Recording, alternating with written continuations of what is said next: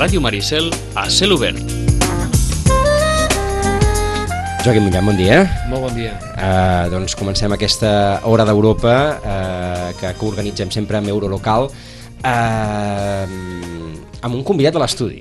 Sí, avui tenim la sort de tindre'l aquí en persona i per tant doncs, el podrem, podrem aprofitar aquesta vinentesa per poder tindre una, un diàleg, una conversa, com sempre tenim amb els nostres convidats, sobre Europa i especialment tenint en compte pues, bueno, les notícies dels darrers dies pues, en temes que preocupen a la ciutadania o que interessen a la ciutadania i això crec que també és una, una cosa positiva poder, avui poder-ho fer en directe i en persona. No? Uh -huh. uh, precisament, gairebé de tot el que parlem, Europa està en una, en una banda o en una altra. Ara ho comentàvem, aquí fora tenim hi ha les eleccions de Grècia de les que no, no en parlem, però, però hi són. Eh, D'aquí poc saben que Cipres va dimitir i, i aleshores doncs, a, veure, a veure què passa ara allà, tot i que no en parlem gaire. Per què no parlem gaire? Perquè per una banda aquí tenim un procés que també es lliga molt a Europa i unes eleccions, un 27 etc etc i per altra banda doncs, aquesta crisi dels refugiats que doncs, ha rescatat les alambrades al centre d'Europa. És a dir que tot plegat fa que estem pensant i parlant molt d'Europa. Avui ens portes el president del Consell Català del Moviment Europeu. Exacte, avui es porto el meu president, perquè sabeu que sóc el secretari general de l'entitat i per tant uh -huh. a, a, és una doble eh, alegria per part meva poder iniciar aquesta temporada, aquesta nova temporada amb vosaltres, eh, que ja és una cosa habitual, jo crec que ja portem un grapat d'anys amb, aquest, amb aquesta hora d'Europa, i amb el president, amb el Xavier Ferrer, que avui ens acompanya, que jo el vull agrair molt que hagi fet l'esforç també de, de, de traslladar-se i, i vull agrair personalment. I, i bueno, jo crec que és molt interessant perquè bueno, ell és una persona, que els que no el coneixin, dos pinzellades o tres de qui és, perquè el coneguem una miqueta més abans de sentir pues, el diàleg que tu tindràs amb ell. Ell, ell és economista, és uh, politòleg, és una persona que també uh, comunica molt bé perquè li agrada fer xerrades, eh, escriu també habitualment en mitjans de comunicació escrita, Eh, actualment és el, Consell, és el president del Consell Català del Moviment Europeu, anteriorment ha estat eh, president de la DICEC, que era l'Associació d'Antics Diplomats de la, de, la, de la Comunitat Europea a Catalunya, com també presideix la, la, la Comissió d'Afers Exteriors i Unió Europea del Col·legi d'Economistes, bueno, i no continuaré perquè també ha escrit llibres sobre, sobre Europa en diversos àmbits i per tant jo penso que, que avui serà, tindràs l'oportunitat de tindre un diàleg eh, en viu i en directe. Molt àgil i molt interessant, ja veuràs. Un diàleg al qual també et convidem de que, de que participi, Joaquim. Ja ficaré cullerada. ah, Xavier Ferrer, bon dia. Bon dia. Agraït doncs, que, que esteu aquí a, a, a l'estudi. Abans de començar el, el diàleg, res, amb, amb dues frases, si ens ho podeu definir. Què és el Consell Català del Moviment Europeu? El Consell Català del Moviment Europeu, que tinc l'honor de presidir, i que el Joaquim Millan és el secretari general des ja des de fa anys, és eh, una organització d'àmbit, diguem, català que està federada en 39 consells més d'àmbit europeu i que conflueixen amb el moviment europeu internacional que té com a missió moviment europeu internacional vetllar per la democràcia i la solidaritat a Europa. I els consells de cada zona, de cada país, eh, com el Consell Català del Moviment Europeu, doncs fer això des del territori amb la idea de acostar a Europa la realitat catalana i acostar a la realitat catalana tot el que passi a Europa. Neix l'any 1948 a l'entorn de, de, de la sortida de, de la Segona Guerra Mundial amb aquesta idea de treballar sempre per que no torni a passar el que havia passat abans, per tant, per la democràcia i per la solidaritat. Eh, el Consell Català del Moviment Europeu es, es crea el 1949, a l'exili, participa el contuberni de Múnich del 62 i se situa ja amb una, amb una activitat, diguem, doncs, normal, després amb la democràcia i hem tingut diferents presidents i diferents activitats. Normalment fem doncs, activitats amb els municipis, fem activitats també amb la societat civil, una jornada al Parlament de Catalunya cada any, diferents també activitats amb les universitats, en fi, intentem estar o procurem estar vius eh, dintre de el que és la societat catalana per fer-los saber tot el que passa a Europa i al revés també. Doncs eh, d'entrada, bufen mals vents per l'europeisme? Mm, bé, no, segurament no estem en el millor moment, però jo sóc partidari sempre de veure el got mig ple i crec que està mig ple i seguirà estant ple. Eh, a vegades, per veure el bé que estem, eh, s'ha de mirar com estan els altres, no? o com està l'altra part del món. Eh, en, en el que seria la Unió Europea, que no és el moviment europeu internacional, la Unió Europea, com sabem, té 28 estats, 300 regions, comunitats autònomes, estats federats, nacions, cadascú que li digui com vulgui, per tant és, és molt diversa, som 500 milions d'habitants i perquè tinguem una idea, amb molts reptes i molts problemes, i moltes realitats que en parlarem, però a mi m'agrada recordar eh, una, tres xifres que han sortit eh, i que se'n parla, potser no suficientment, però serveixen per valorar el que tenim, que és que som només el 7% de la població mundial i segons les previsions de la ONU, de l'estudi que han fet, doncs anirem a menys, Eh? Això té unes conseqüències que en podem parlar després, demogràfiques, eh? i que també lliguen amb tot el tema dels refugiats i tot el que fa Alemanya. Eh, tenim el 25% de la riquesa mundial, que vol dir el producte interior brut, 25%, 7% de població, 25% de, de, de, de, de producte interior brut, eh? i dediquem a benestar social, o sigui, a l'estat del benestar, a el que seria doncs, eh, ensenyament, eh, hospitals, tot el que ens podem imaginar doncs, de l'estat del benestar, pensions, eh? el mateix que la resta del món, que el 97% de la, de la resta de la població mundial tinguent en compte que dintre aquest 93%, nosaltres dic que érem el 7%, uh -huh. hi ha països desenvolupats com els Estats Units, Canadà o d'altres. I què hem de fer amb això? D'entrada això vol dir que alguna hem fet bé, i, i el que està clar és que ho hem de preservar i aquí estem, ho hem de preservar i aquesta manera de preservar-ho a més a més tenim la, la generositat de fer-ho des de ja fa molts anys, més de 50 anys, 60 anys, amb democràcia, cosa que no es fa en altres parts del món. I quan es fan les coses en democràcia, surten més a la premsa, se coneixen més i a vegades sembla que els problemes que s'han de solucionar són més grans dels que són, que ho són, eh? i s'han de solucionar, però els coneixem precisament per això, perquè estem en un àmbit democràtic. Hi ha més debat i hi ha més conflicte. I més, de, i més conflicte, però, i després aquí hi acabaria, després podem parlar, tot això, a més a més, es fa amb un valor que jo crec que val la pena recordar-lo, que i això no era així, eh?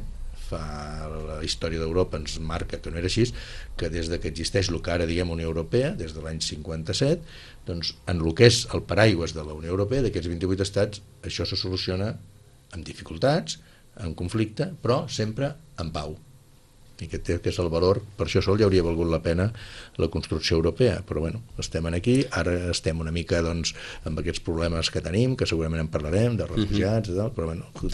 Heu, heu dit una frase, hem fet les coses bé, hem fet les coses bé, però no surten els números amb les coses que hem fet bé.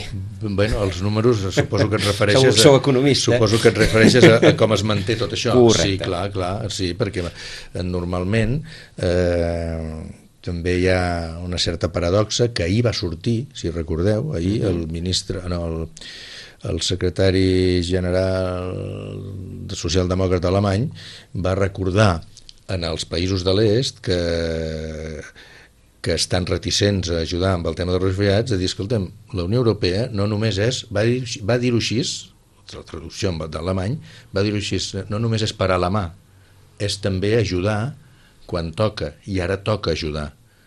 Eh? O sigui, moltes vegades s'ha confós la Unió Europea, i en l'estat espanyol també ha passat això, caixer automàtic. Sí, amb el caixer automàtic que ens ajudarà, i el fons de cohesió, i farem carreteres, i farem tal. Però, quan resulta, per centrar-ho a el que és l'estat espanyol, que quan entren el 2004 els estats de l'Europa de l'Est i sense que ho noti la, el ciutadà de peu perquè el dia a dia és el que és i és dalt, resulta que amb un procés matemàtic que es passa de 15 a 25 estats en aquell moment, resulta que passem a ser més rics i algunes regions de, de l'estat espanyol que rebien eh, fons, doncs llavors deixen, es va fer escalonadament perquè es va pactar, però deixarien de rebre'n en favor de, de regions més, més pobres de l'Europa de l'Est. Aquí també es va posar el crit al cel dient què és això d'Europa, que ens retalla, no ens retalla, no. Durant 20 anys l'estat espanyol va rebre l'1% del producte interior brut espanyol gratis del fons de cohesió, l'1%, que van servir, a la meva manera de veure's, no es van invertir prou bé i van, van fer altres coses que no havien de fer. Eh? Però es van rebre, van venir... Llavors, també s'ha d'estar una mica a les verdes i a les madures.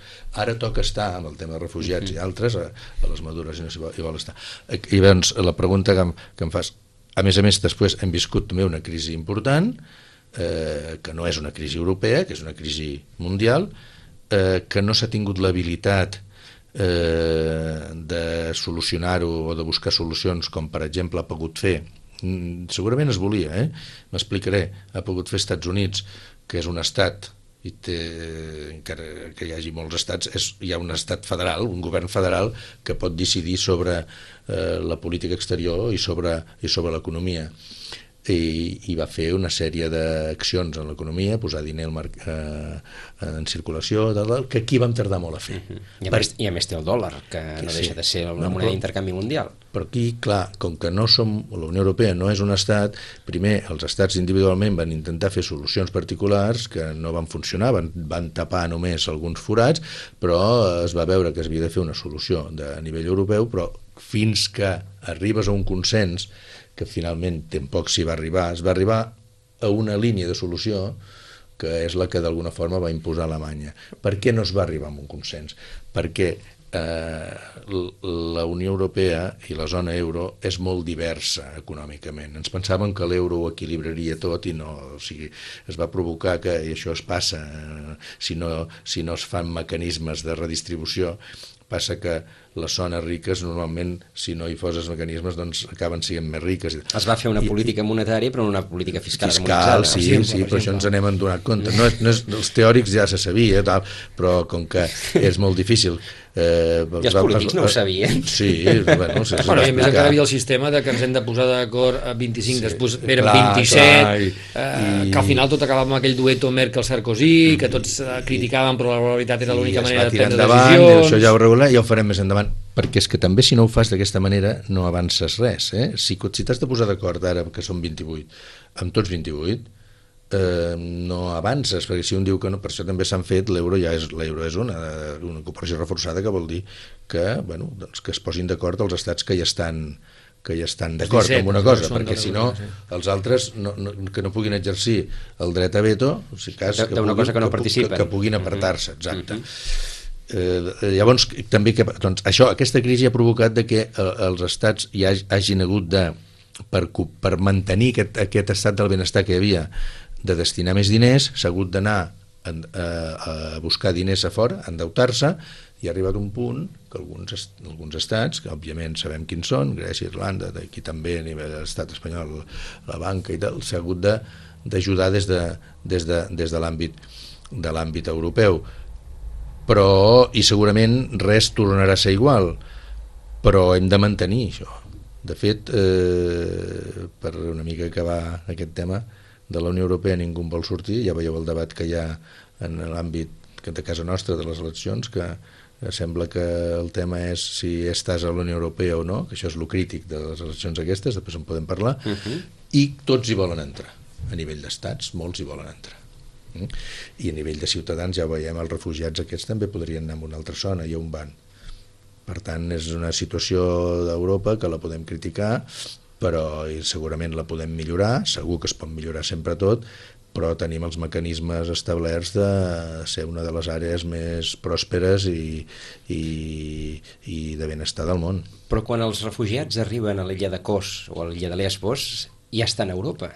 I en canvi, tots en, volen travessar tota Europa per anar a Alemanya. No, és, és evident que és normal, perquè Grècia no s'hi poden quedar, saben que no s'hi poden quedar, perquè Grècia té uns, uns problemes greus no els pot atendre bé i doncs l'objectiu, el que els arriben a ells és que han d'anar al centre Europa, a Alemanya, i aquí també voldria potser hauria de dir-ho més tard de la reflexió aquesta que segurament farem sobre els refugiats, però la, la gestió que, que ha fet Merkel d'aquest tema és una gestió molt solidària, però al darrere, i ara m'explicaré, també és intel·ligent, perquè Alemanya sap, i aquí també ho sabem, però no s'ha dit, però Alemanya sap que per mantenir el seu estat de benestar i per mantenir les pensions dels que es jubilaran d'aquí 15 anys, eh? hi va haver un boom a Alemanya als anys 60, doncs ara tenen doncs, sobre 50 anys molts, molts alemanys que estan treballant, sabem que les pensions, i això que quedi clar també per la, la reflexió catalana, les paguen els que treballen, no l'Estat. No una, eh? Ni una borsa. Eh? Per tant, Alemanya per mantenir el nivell de benestar, i Europa també, eh? però Alemanya, de que, que, que té actualment, necessitarà un mercat de treball mm, gran que ara amb els alemanys que van naixent o que són amb una edat que d'aquí 10 anys entraran al mercat de treball no són suficients per mantenir. Per tant, saben que per mantenir la capacitat industrial i per mantenir l'estat del benestar i per mantenir les pensions necessiten més treballadors. Mm -hmm. Doncs però I... per aquests treballadors també s'hauran de crear llocs de treball. Sí, bueno, no, però, però, els, els, però els, els, els llocs de treball ja, ja estan creant amb la pròpia indústria. El que passa que no hi haurà prous alemanys per ocupar. Per tant, saben que... Llavors, eh, bueno, aquí, eh, ja que tenim el problema a les portes, i l'hem de gestionar, doncs que vingui aquesta gent, que vingui, que vinguin els i ja els hi donarem feina i seran part d'aquests milions de nous alemanys o nous treballadors alemanys que necessiten. Eh? No és tot, eh? però és una gestió intel·ligent de la, de la situació, molt més intel·ligent que la que està fent, eh, per exemple, Hongria. Hongria és un altre cas. Hongria és una, una gestió política interna. Eh? Un cas, un cas gairebé excepcional en el sentit que un país excomunista rebut amb els braços oberts que ara sí. fa un gir cap al tancament quan està, quan està dintre de casa i fins i tot sí. pren decisions que qüestionarien sí. els mateixos tractats. Sí, és, però és comprensible si ho mirem en clau interna d'Hongria, resulta que Hongria ja mana el senyor Orban, que és... Eh, eh, si es mira el, el programa electoral o, o el que va dient doncs eh, el podríem situar amb una dreta bueno, la paraula xenòfoba poder és molt forta, però de, perquè ens entenguem podrien ser per aquí, i encara té un partit més a la dreta que, que és el que ha proposat fer el mur i tal, i l'altre ho ha hagut de, diguem, ho ha hagut o ha acceptat, no? Eh, però és que entre els dos tenen el 80% del Parlament. O sigui, la ciutadania hongaresa no ha entès, perquè al final ho ha votat, que en altres moments també se'ls va ajudar amb ells. Eh? I ara estan, volen estar governats, perquè és veritat que ho han fet amb eleccions, per un govern que el que està fent amb els refugiats no és eh, estrany per la gent que els vota pels hongaresos que els voten. A nosaltres aquí sorprèn molt, no? Però és així.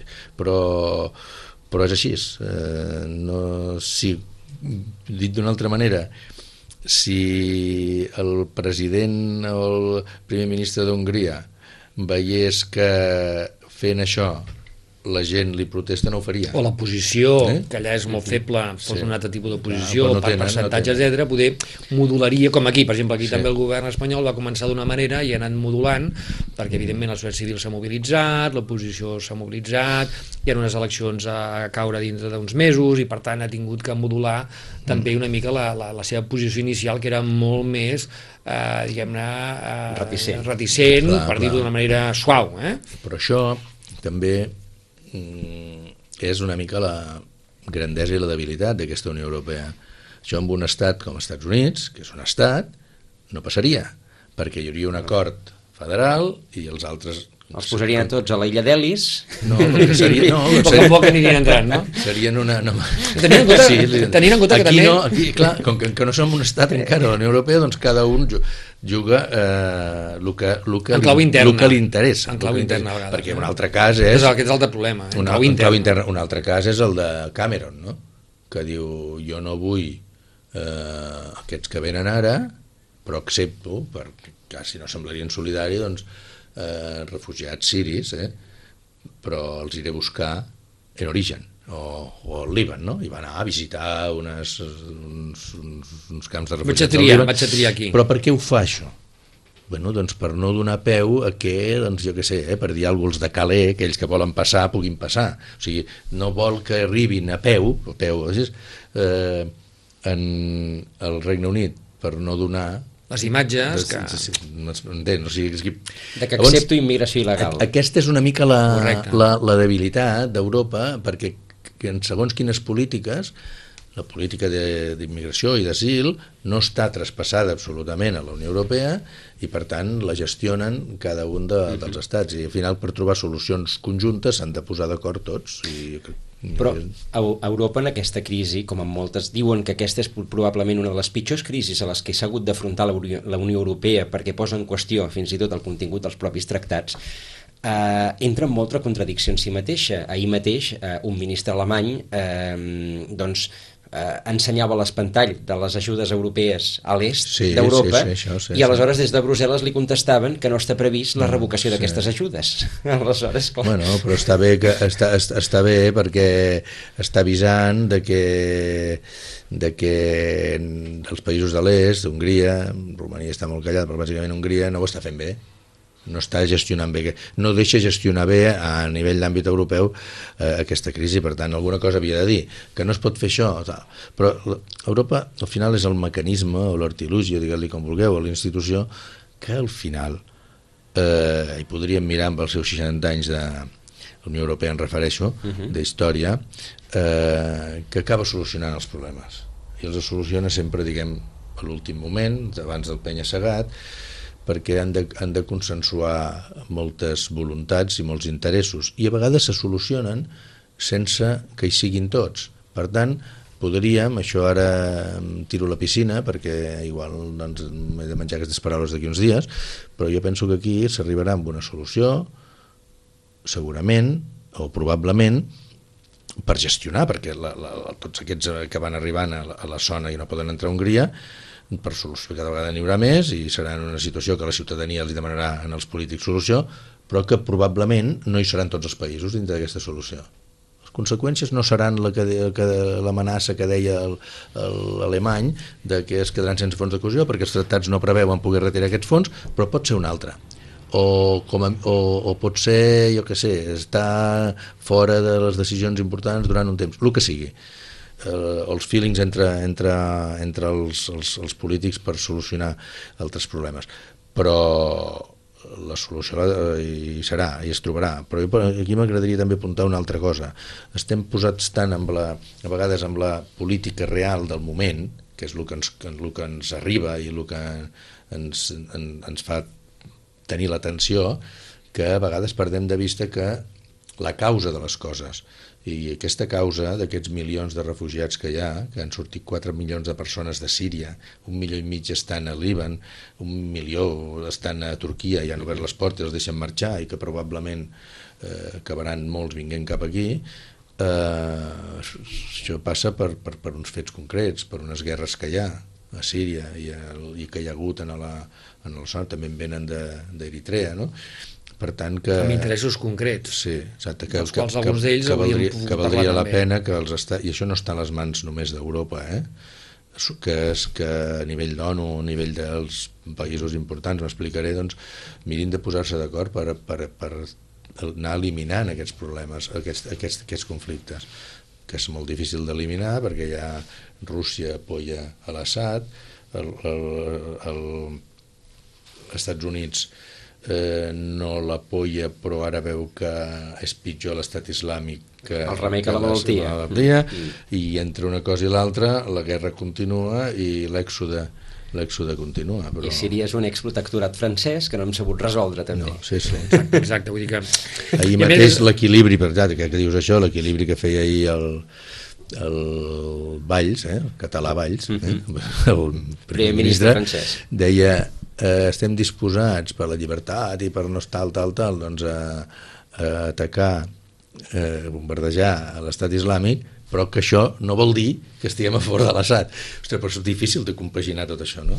Masses. Aquesta és la, Masses enemics. les dificultats de, del món, no? I que a Europa jo crec que també li passa una cosa, i en aquest cas torna a ser un altre exemple, de que acaba prenent les decisions, desgraciadament, per necessitat, no per convenciment del projecte europeu, que això fa temps que s'ha deixat de banda, i aquesta necessitat, perquè convèncer la majoria, eh, només es genera quan realment el conflicte el tens ja a, a un pam eh, de, de la cara. Llavors dius, bueno, la necessitat ja la tenim davant, no? Llavors les, les solucions precipitades clar, són les conselleres. Clar, llavors, vull dir, sempre acabem prenent decisions, eh, diguem-ne, per urgència, perquè no hi ha hagut una previsió, perquè no hi ha el convenciment, per urgència vol dir posar-te d'acord 28, que vol dir mm, això és més complicat encara, i, i evidentment això que vam percep la ciutadania. La ciutadania llavors, entre la crisi que també encara ens encara la gent pensa que la Unió Europea la resol malament perquè encara col·legia, malgrat ara no se'n parla tant.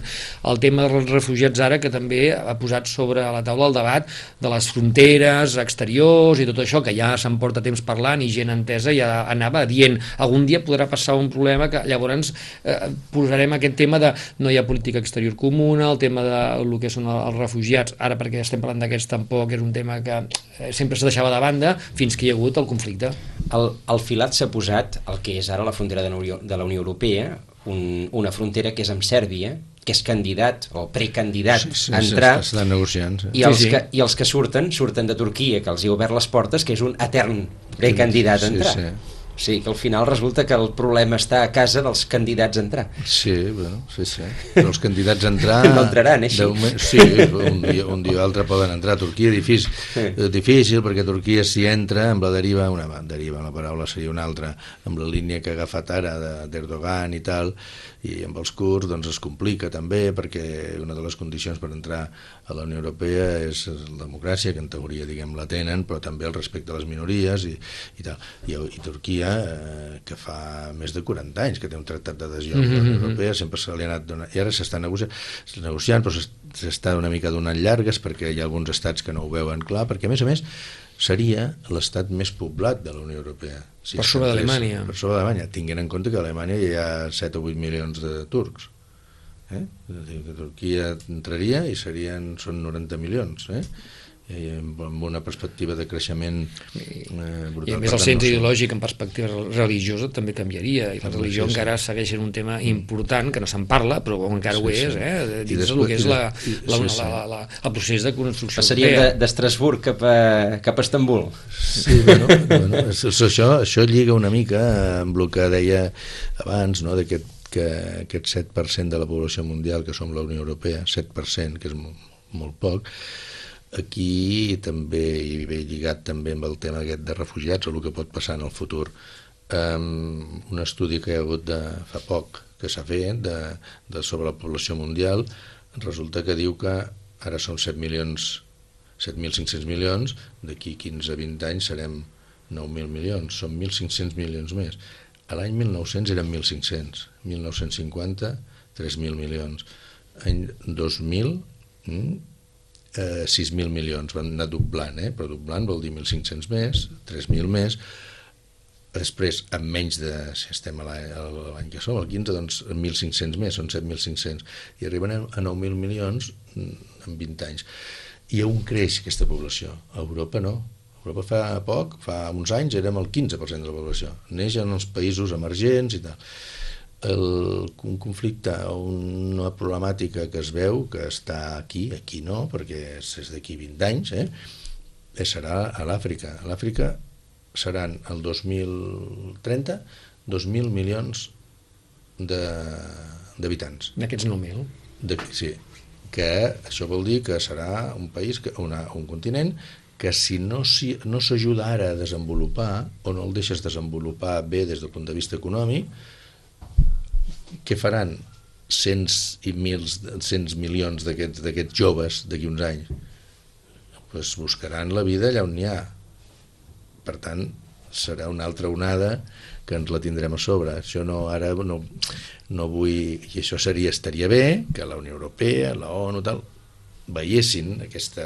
Ja la veuen, eh? Però costa afrontar-s'hi. I perquè en democràcia els polítics no ho tenen fàcil, perquè com que estan supeditats a cada quatre anys i a vegades no tant cada quatre anys a eleccions, si fas si mires problemes que et vindran d'aquí uns anys i que probablement ja no hauràs de gestionar el que hi ha en d'això i que és un, per entendre'ns, un marron perquè vol dir és el més un altre, no? establir uns mecanismes no sé quins que poden passar, en fi, no és el, el que ens reuneix ja aquí, tinc però prou feina per, per, pel dia a dia. Però sí que és important que, vull dir, aquesta generació actual eh, serà la primera a la història de la humanitat que haurem triplicat la Sí, sí, és població és- brutal. amb, amb, una, amb, diguéssim, amb una vida, no? Vull dir, eh, des de Sí, que sí. als anys 60 vas néixer fins que et jubilis i, i et moris, aquesta generació actual Triplicat, eh, hem triplicat. triplicat per primera vegada eh, el que és la població mundial i això, vulguis o no, té un impacte, un impacte, estàs parlant d'un impacte democràtic, ai, Demogràfic. demogràfic, demogràfic, però hi ha un altre impacte que també ja està a la sota, l'energètic. L'energètic i, i, i l'aigua. I l'aigua, per exemple, I- dins i el tema de l'aigua, per exemple, el medi ambient i l'aigua, eh, són, eh, són Sí, sí. temes que estan sobre la taula que poder, a vegades els veiem tan genèrics que diuen, bueno, això ja arribarà dintre 20 anys, doncs dintre 20 anys és ja, És ja. és ja, No, no, dintre 20 sí, anys sí. és ja. I- I, i, i, aquest és un tema que jo crec que cada vegada més a la gent li comença a preocupar tant o més que el seu dia a dia, que també, eh? vull dir que per tant, veuen cada vegada més proper final, això. Joaquim, només l'ha afrontat i per interessos propis Xina, perquè si Xina no hagués fet el tema de control, de, pues seria molts més encara.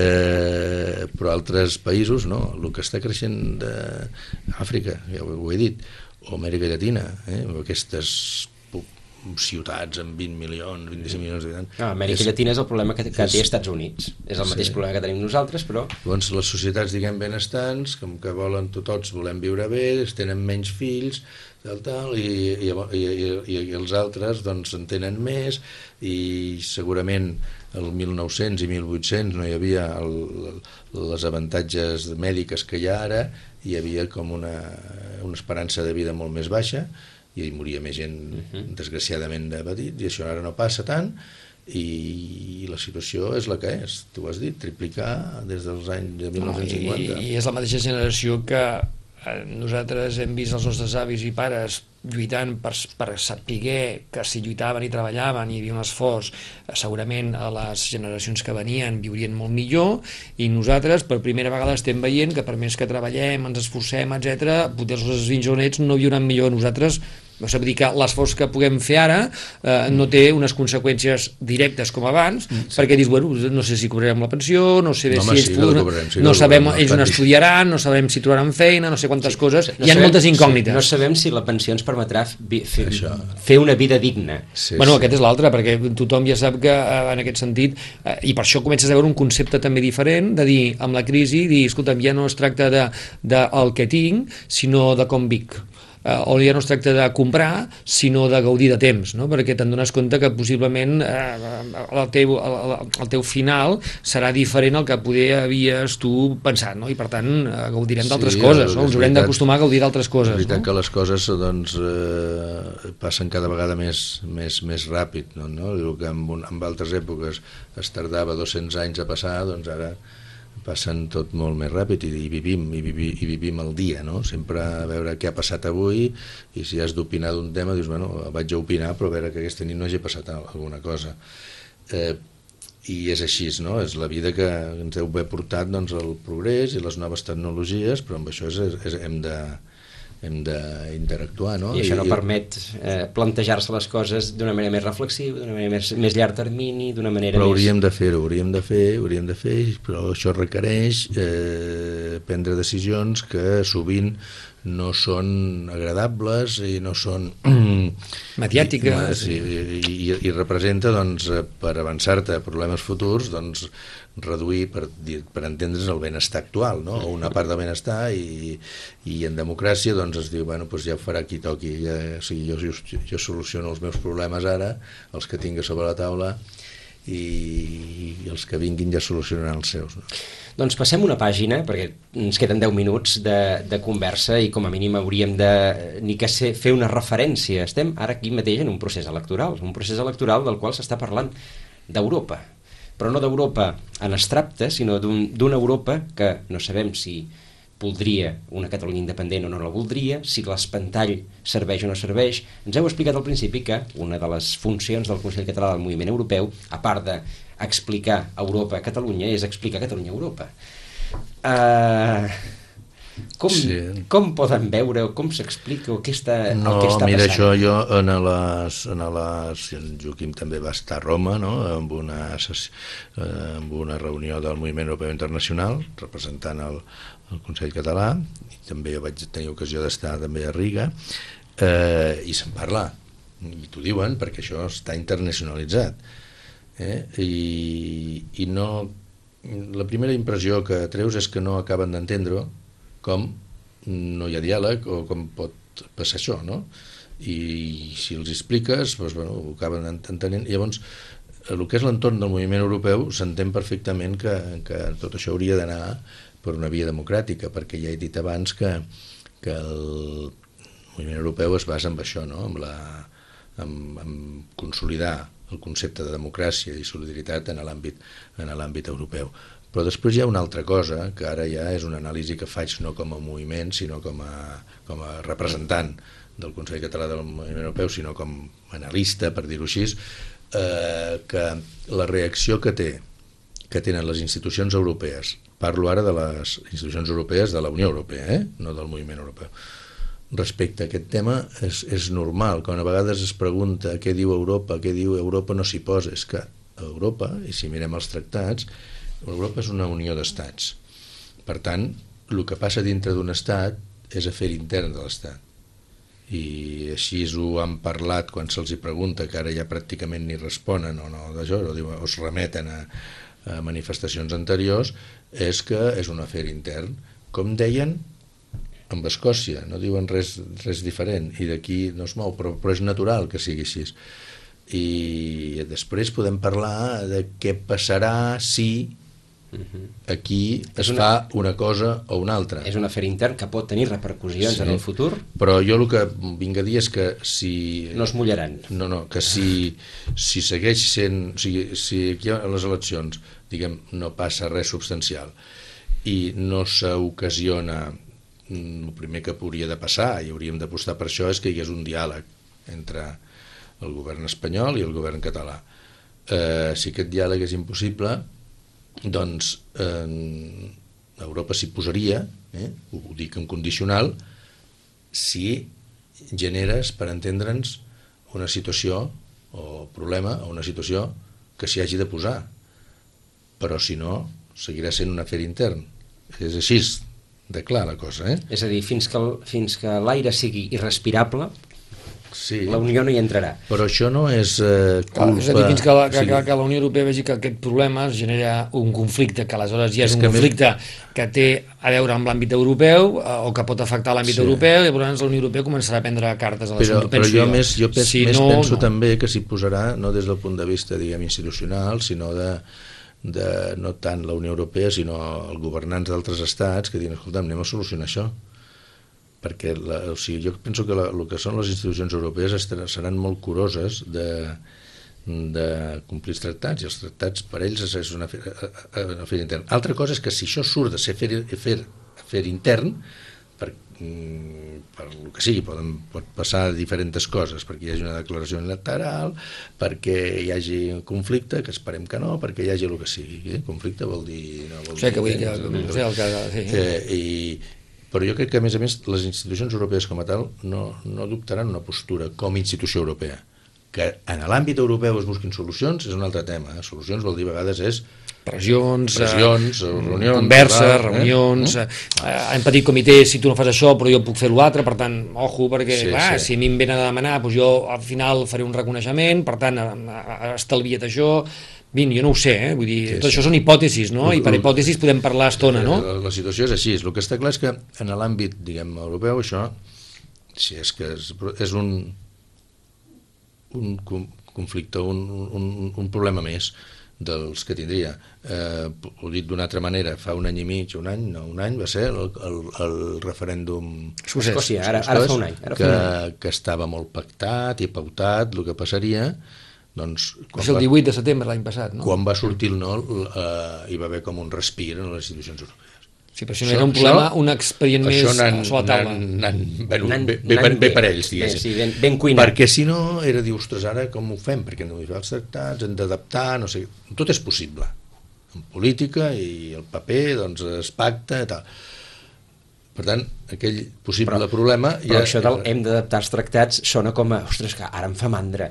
No, mandra no, no. no, però fíjate, és, és, però mira, inclús sí, et diré no, més, perquè... que seguint el que diu el, el Xavier, eh, inclús la postura és molt diferent a dir, em fa mandra a que hi hagi algú que et digui sempre no, no, no, no. La Unió Europea eh, et dirà ara és una afer interna, tal, però si realment no hi ha més remei que canviar, la Unió Europea negociarà, sí, perquè, clar. perquè ho ha fet sempre, la Unió Europea no és una cosa tancada, ha negociat quan eren 15, ha negociat sí, quan eren 25, sí, va negociar sí. l'entrada de Bulgària i Romania més tard d'aquells que van entrar aquells 10 per ser 27, eh, Croàcia no sé què, es segueix negociant amb, amb candidats com, com per exemple Turquia, malgrat sabem que això és in eternum, però té un tractat preferencial amb ell, bueno, ens anem cuidant, vull dir, és una manera de fer diferent a la que estem acostumats aquí, que és el no sempre persistent. Jo, no? jo el que no veig, el que no veig, això que s'ha es parla tant i és la s'utilitza com a por, curiosament fins i tot el Cameron va dir que sortirien de la Unió Europea, Catalunya i tal, resulta que ho diu un senyor que va facilitar un, un, un referèndum, és espectacular, no? Això que, que ho no, i que a més té un referèndum ell en marxa per sí, si per Unió Europea sí, Unió Europea no, per sortir ells. pel 2016. Es podria donar el cas de que, que, més democràcia... de que en l'àmbit d'Anglaterra, dintre del que és el Regne Unit, sortís que volen sortir,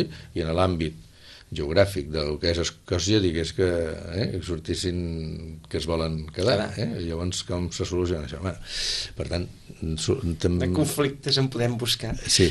jo, jo el que no veig això que es fa servir de que, és, se, que Catalunya quedaria fora de la Unió Europea perquè no hi ha com diuen alguns, no, si és veritat, no hi ha tampoc cap article que digui que, que, que una part que ara és Unió Europea que, pel motiu que sigui, pugui quedar fora. Aquí tothom, per tant, ens, queda, ens queda un minut, aquí tothom té raó, és a dir, bueno, no, hi ha, no hi ha res que, que, que permeti marxar, ni hi ha res que digui que si marxes no et puguis quedar. Sí, sí. Però ara per tirar un cable a favor de la Unió Europea, però fixeu-vos que al final tot es tracta de quedar-nos a el que és la Unió Europea. Per tant, no deu estar tan malament la Unió Europea. Eh? per, i, I respecte a l'àmbit català, doncs ja per tornar-hi, escolta'm, jo crec que podem estar tranquils que passar, passi el que passi, seguirem a la Unió Europea. bueno, doncs amb aquest eh, fem encara bandera d'europeisme, malgrat tot, malgrat com... doncs, sí, sí, i tant, i tant, i tant que sí. Joaquim, eh, doncs bé, tenim, tenim tot inalvis, eh, són, venen uns mesos interessants. Per això tindrem aquí un trimestre eh, darrer d'aquest 2015 amb forces coses a comentar en àmbit europeu uh mhm. -huh. I, i algunes que ens afectaran molt, molt personalment. Per tant, tenim, tenim teca, no?, com es diu. Doncs Xavier Ferrer, eh, president del Consell Català del Moviment Europeu, moltíssimes gràcies, gràcies per aquestes reflexions allò... Gràcies a vosaltres i content d'estar aquí. Doncs eh, en parlarem en el futur probablement doncs, perquè sempre hi haurà temes eh, interessants en aquest eh, àmbit internacional, en aquest espai de l'Hora d'Europa. Joaquim, moltíssimes gràcies també. A vosaltres, fins al mes que ve. Fins al mes que ve, parlarem de més coses, sabrem més coses i en podrem parlar de més. Per tant, doncs, nosaltres ho deixem aquí. Que passin un molt bon dia i fins demà.